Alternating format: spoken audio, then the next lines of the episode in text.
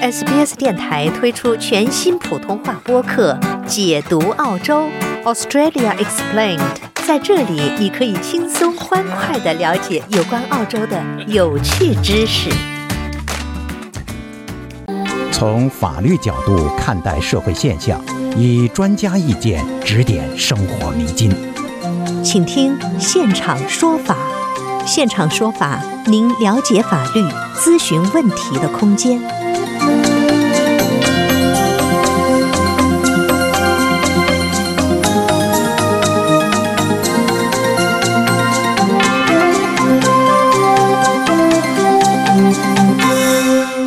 听众朋友您好，欢迎您继续收听 SBS 中文普通话广播为您带来的现场说法听众热线节目。今天的节目中呢，我们邀请摩托称律师事务所首席律师郑伟俊为您介绍和证据有关的法律知识。欢迎听众朋友拨打热线电话一三零零七九九三二三参与节目咨询法律和移民签证问题。首先来连线本期节目嘉宾郑律师，您早。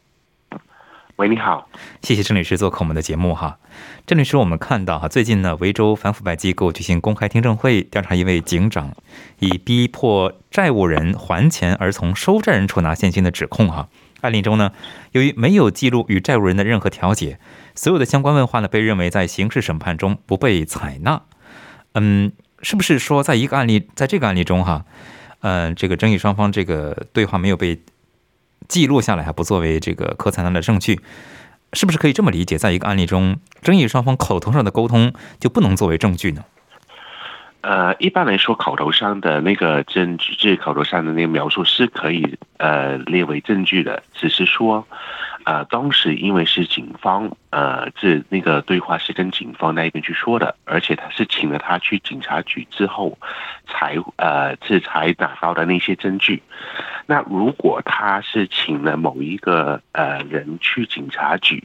然后要求他来协助一个调查，那在这种情况之下，如果是没有啊拿拿笔或者记录下来，或者是没有录下来的话。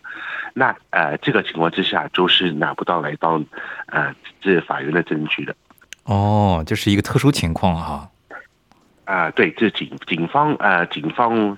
啊的那个情况才会这样子。如果是普通两个啊两个路人或什么的话，呃，他们两个人的对话是可以纳为证据的。嗯，一般来说，就是说法院承认的证据都有哪些分类呢？呃，就是有呃文件啊，然后有呃，比如说电子的，比如说电脑的、邮件的，啊，或者是呃这录像的话，某一种情况之下也是可以的。比如说有一些商业店铺的那个录像啊，可是当然是必须要经过那个人的同意才可以。呃，那一般的录像，如果是只是有录影没有声音的话，那这个是呃是可以的。可是如果是有录影的这个功能的话，那那呃需要经过那个呃这房客的那个同意，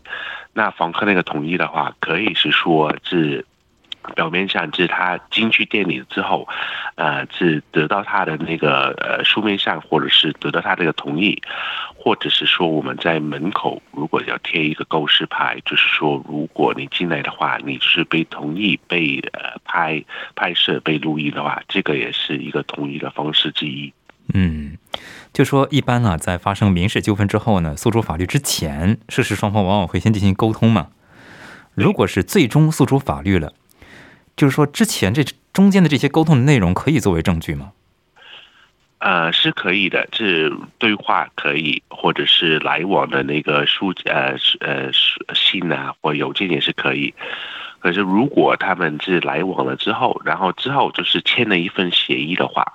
那有可能那份协议会写说，啊，以我们这份合同为标准，之前双方谈过的内容的话，都不会成立为那个合同或者是那个法律协议的条款之一，啊，就是要按照这个合同的那个条款为当标准。嗯，这个协议有什么固定名称吗？啊，就是就是。啊，没有没有固定名称，就是会在呃，这双方达成这个协议里面的呃其中一个条款之一。嗯，所以是不管是借款协议啊，或者是他们的合作商业协议的话，可能都会有这么的一个条款，就是说双方之前所讨论的或者是协商的呃那个过程都不会呃列为那个合同里面的条款。那所有。对方都是同意的那些项目的话，都是会在这个商业条款里面，嗯，写下来的。嗯，就说如果是在法律纠纷中哈，如果需要有人作证，或者是需要第三方提供这个监视视频或者音频的内容，比方说在比较公共的停车场，但是呢，就是说这个第三方他不同意的话，这个时候该怎么办呢？呃，民事跟那个刑事呃那个流程会不一样。如果是刑事的话，那警方那一边呃需要通过法院去申请一个搜查令，或者是一个呃 subpoena，就是要让那个比如说停车场的那个呃所有者只提供这个录像。嗯，那呃这如果你收到这么的一个通知的话，那你也是有各种法律的权利的。比如说，如果你觉得这个录像是。会呃，只泄露到别人的隐私啊，或者是呃，这个是私人的一个影录像的话，那在某种情况之下，你也可以不提供给法院的。那如果是民事的话，如果你跟这个案子是无关的，那你是可以呃，这你也是可以拒绝去提供你这个人的录像或个人的呃证据来去协助别人的民事或刑事那个案子。嗯，经常我们。在听到一个法律术语啊，叫传票，这个嗯，就是传达的那个传啊，这个传票会不会就是说在寻求第三方提供证据方面有作用呢？呃，是有的。这传票的话，就是呃，是有两种，一种就是要传某一个人向法院里面作证，嗯，另外一种的话，就是要他提供某一些文件上去法院。啊，那当然是，如果收的那个传票的话，是需要去呃遵守的。比如说，如果他是叫你上法院的话，你是需要去法院的。可是你到法院之后，呃，你会不会呃给口头上的那些证据，或者是你会不会把那些资料拿出来的话，这个就是看是刑事还是民事。啊，比如说，如果是民事的话，就算你是需要把某一些资料或某一些文件交到给法院的话，你就算交到给法院，也未必会能呃接纳到。那个案子的那个证据，呃，对双方的话也是需要去，这你你递交之后，你也是需要说啊，我同意或者是我不同意，呃，双方来用我这个文件。然后如果是有法律的特殊的情况的话，比如说呃有那个保密协议，或者是律师跟客户的这个呃关系，那这些文件的话是不能泄露出去的。那法院那边就会做一个呃决定，说这些文件是不是能纳。那个案子里面的证据。嗯，非常谢谢郑律师的介绍。那么，听众朋友，您正在收听的是《现场说法》听众热线节目，欢迎您继续拨打热线电话一三零零七九九三二三参与节目咨询法律和移民签证问题。接下来，我们来接听听众电话。这位是 James，James 您好。你好。喂，您请讲。你好。你好，您请讲。你好。哎啊，郑律师好啊，那个主持人好啊，我的问题是这样的，嗯，我们家的车库呢，由于这个三月份和四月份悉尼这个暴雨啊，呃，车库里面进水了，呃，墙上也从屋顶上也也也往下流水，由于我们家车库呢比这个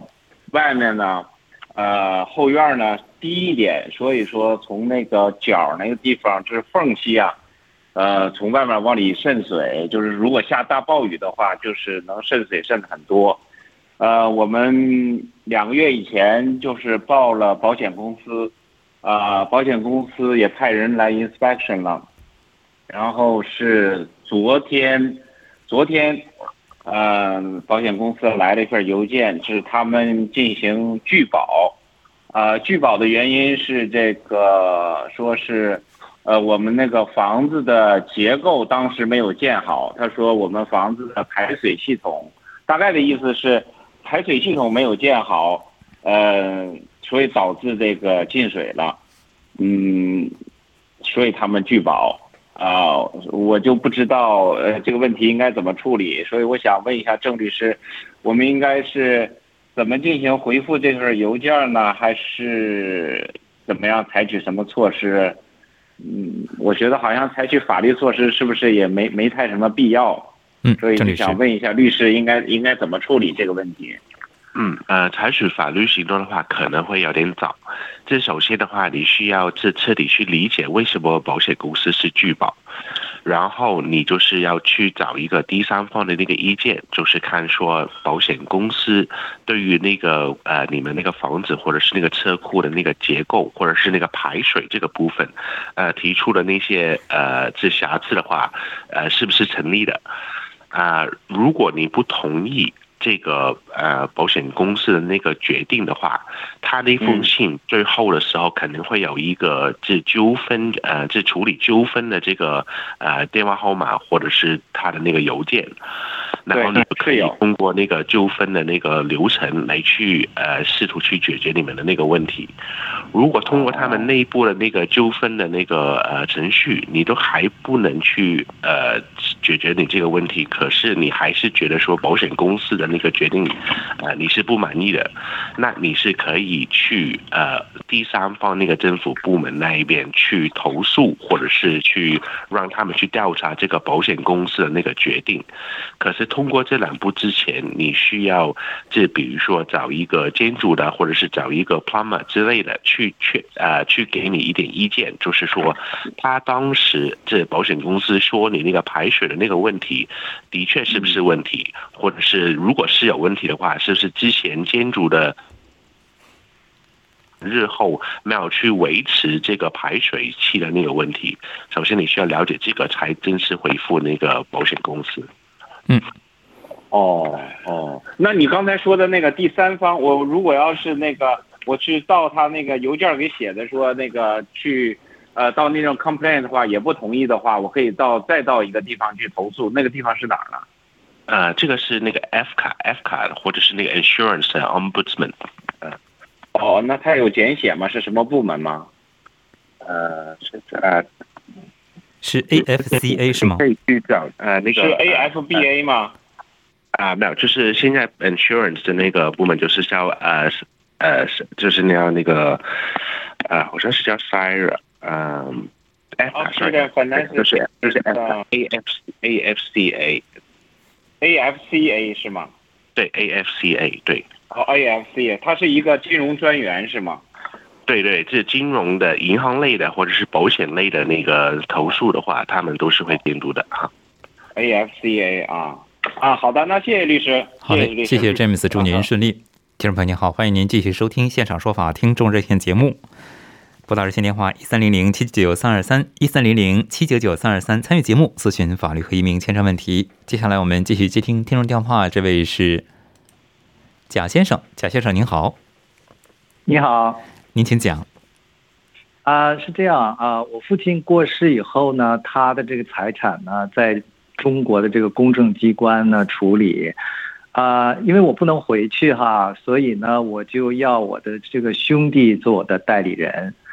啊、这个我是澳洲国籍，我现在想请问这个郑律师哈，啊、我怎么在澳洲办这个委托手续呢？啊啊，首先你需要去找一个国际的公证人，有国际公证资格的律师，就是英文就是 notary public，呃，这种律师去帮你去签一份呃这授权书，呃，那这个授权书就是要通过 notary public 公证了之后，然后要继续那个外贸局呃外贸局那一边去认证，然后再发过去那个中国的领事馆那边再去呃公证了之后，呃通过这三个步骤，就是国际公证、呃澳洲外贸局，然后中国领事馆，通过这三呃三个呃验证或公证之后，呃发回去中国那一边的话，就可以授权你的兄弟去帮你去处理你父亲的那个遗产。啊啊，这个啊，澳洲呃外贸局，呃呃，是在呃，英文叫什么？呃，那个 DFAT 就是 Department of Foreign Affairs and Trade。啊，你具体是哪个部门你知道吗？我要去哪个部部门办这个呢？啊、你呃那个文件的话是可以寄过去给他们公证的，可是如果你要找具体的部门的话，就是有一个他们那个呃护照部门，就是负责去做这个验证的。可是如果你是通过那个有公证资格的国际公证资格的那个律师的话，他们是可以呃协助你去走这几个流程的。啊，呃，那个呃，最终还是要到这个呃中国的大使馆去呃办这个公证，对，最后一步就是中国大使馆的。对，啊啊，是把这个呃这个呃授权书拿到中国的大使馆，再办一个公证。他们就会在你那个呃字。你那个委托书之签好那个授权书那边去呃贴一个章，就是呃当做是公证的。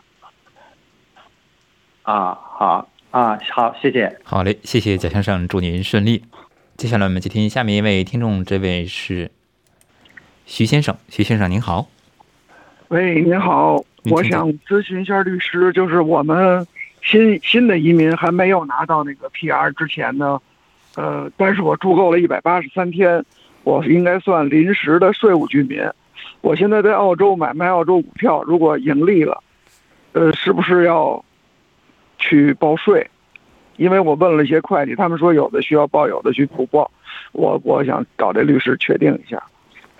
嗯，你你一旦在澳洲这边住满了一百八十三天的话，那你就是澳洲税民，就是需要去报税的。那有关你这个收入是否需要去缴税的话，那这个就是要通过会计来确认。就算你是税民，呃，在欧洲这边有超过一百八十三天是需要去报税的话，呃，你是不是要去报你那个股票赚到的那个利润？要看两点。第一点的话就是你呃持有什么样的签证，呃，第二点的话就是你那个股票，如果你是赚钱的话，你是呃，这如果你还没有卖掉那个股票的话，那还不算是有收入或盈利。所以就是你买了赚了，可是你还没兑现的话，到这个这个时候是还不需要去支付这个呃这个税的。所以就是最好跟会计去帮你去报税的时候去确认一下。可是会计这这方面的话，会计会比较去最熟悉这个税务那一边的那个法律，来帮你去递交你那个啊每年的报税。哦，还是得问会计是吧？因为股票已经卖了，有盈利。呃，但是啊他说也暂时不用，他说暂时也不用卖，因为我还没有 PR。呃，暂时是不用报税是吧？是，那就是看这你住满了一百八十三天，那就是看你持有什么样的签证啊。呃，就是这算是这算临时签证吧？是 TR，、呃、对，就是 TR 是吧？嗯，对。那如果是 TR 的话，是嗯我们是听不到的，要确认啊郑律师您再说，刚才没听到。啊。如果是 TR 的话，呃，如果是 TR，你是这那个 TR 是允许你长期住在澳洲的话，虽虽然是有定时的，可是都是需要去报税的，除非是那种投资移民的那种签证的话，可能就不需要。所以主要这还是你要把你签证的类别告诉你的会计，然后就是看你那个呃临时签证的那个类别需不需要去报税。哦，如果我们是幺八八 B，是是就不可以不可以不用报了是吗？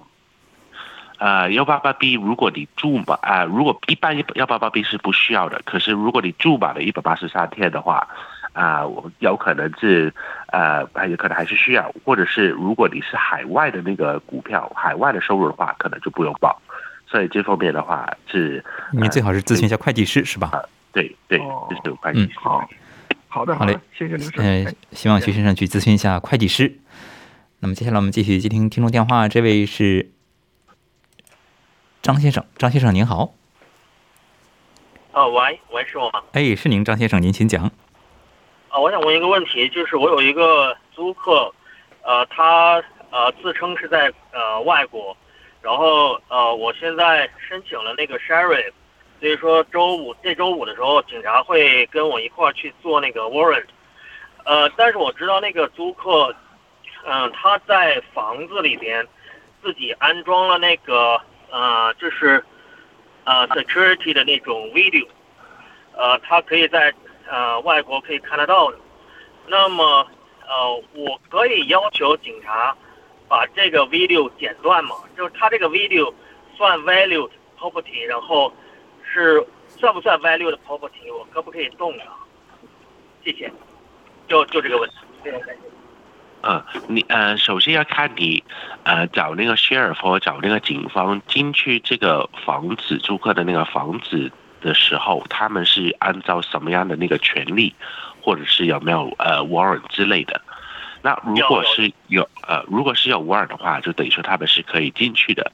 那进去了之后，他们的那个呃，是权利，他们的只是呃，要看是那个他们有那个搜索的那个权利，或者是他们是呃目的的话，就是把这个房子的那个使用权卷回去给你。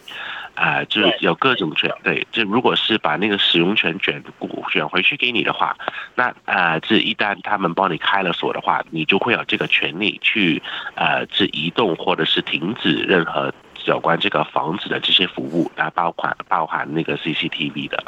对，所以就是要确保说你这个 warrant 里面的那个内容，如果只是进去去搜索一些东西的话，可能你就不能去停止它的 CCTV。可是如果比如说你是房东或者物主，他那个 warrant 是为了把那个房子交呃退还给你的话，那你是可以去停止它里面所有的那些 CCTV 或者是别的那些呃器材服务的。其实事实上我是可以把直接把电都掐掉的，对吧？嗯，对，如果那个这使用权已经呃，这比如说你通过 tribunal 什么的已经退还给你这个物主的话，那这是可以的，就是那个 tenancy 已经结束了，那所有权都是归你的话，那你是做什么，这对于这个房子做什么都可以的。OK，那我还有一个第二个问题，就是说我做完了 warrant 之后，据我所知，那个呃，我会要求，呃，就是法律会要求我三十天的等待期，就是。在这三十天之内，tenant 会可以就是把他的私人物品搬出去，对吧？呃，这个就是看你那个 warrant，你，嗯，这是三十天还是是说两周？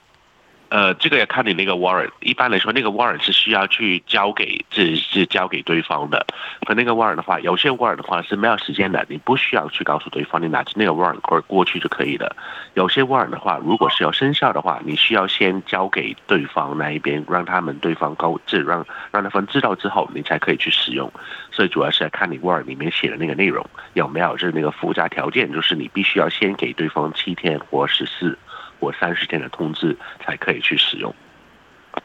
哦，OK OK，好，谢谢，谢谢。好嘞，谢谢张先生，祝您顺利。那么，听众朋友，欢迎您继续拨打热线电话一三零零七九九三二三一三零零七九九三二三参与节目咨询法律和移民签证问题。接下来继续接听听众电话，这位是洪女士，洪女士您好。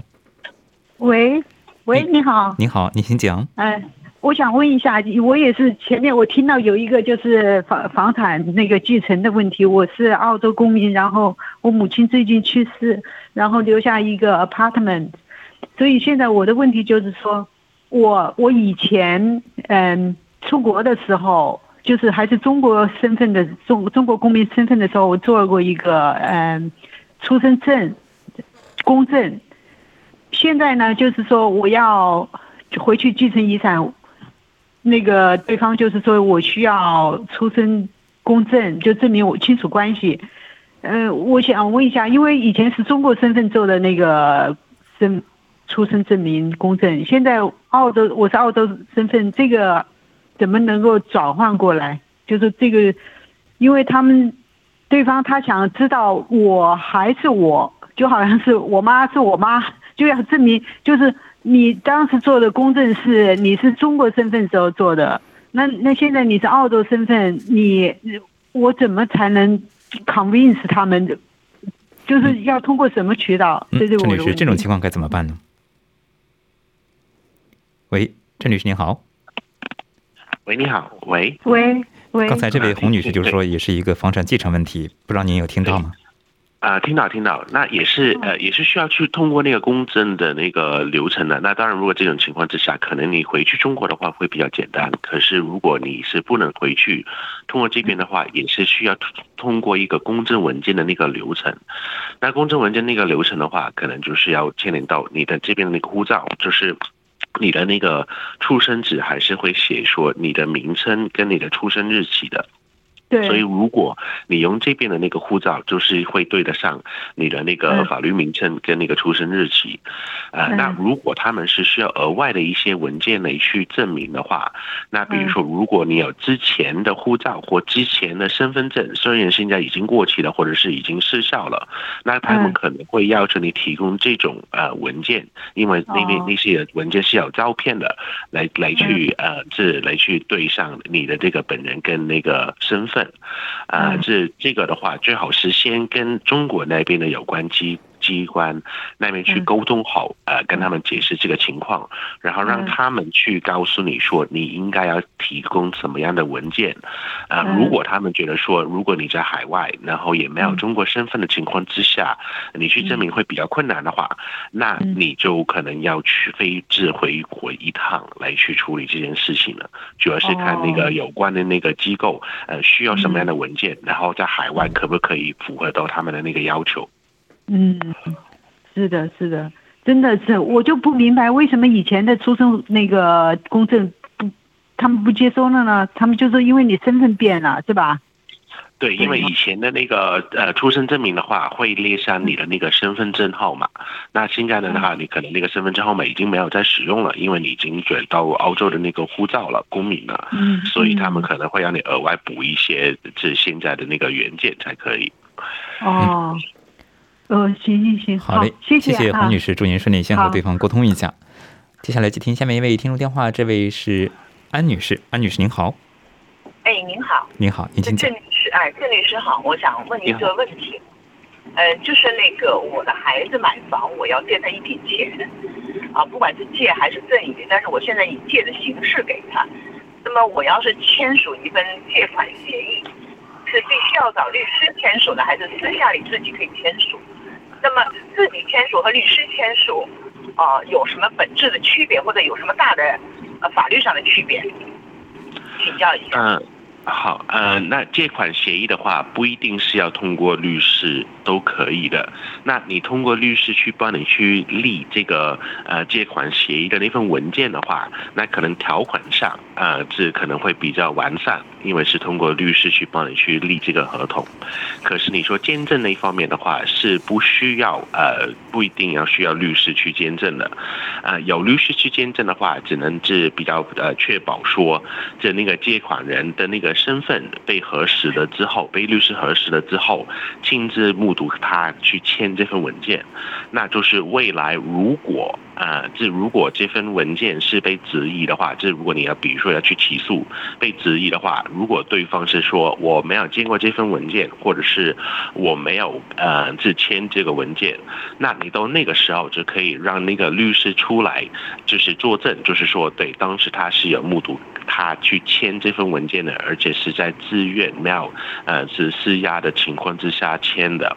啊、那如果去给这么的一个证据的这个人的那个身份是律师的话，他的那个证词会比较可靠。呃，可是如果是呃一个亲属或者是一个朋友去做这个见证人的话，那他可能到法院的话，他可能会被质疑说，呃，你有没有在说谎，或者是有没有在帮某一方，所以才这么说的。呃，这是做了这个作用。可是从法律那方面的话，呃，自己去私底下去签一个法律协，呃，就签一个借款协议，或者是没有那个律师当证人的情况之下去见证这份文件的话，都不会影响他的那个法律效力的。只是说要去执行的时候，通过法院的话，可能会呃，是比如果没有律师见证的话，可能会比较困难而已。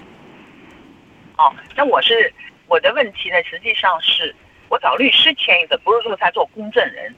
就是比如说我跟我的子女双方去找律师签一份呃协议，比如说借款协议，具体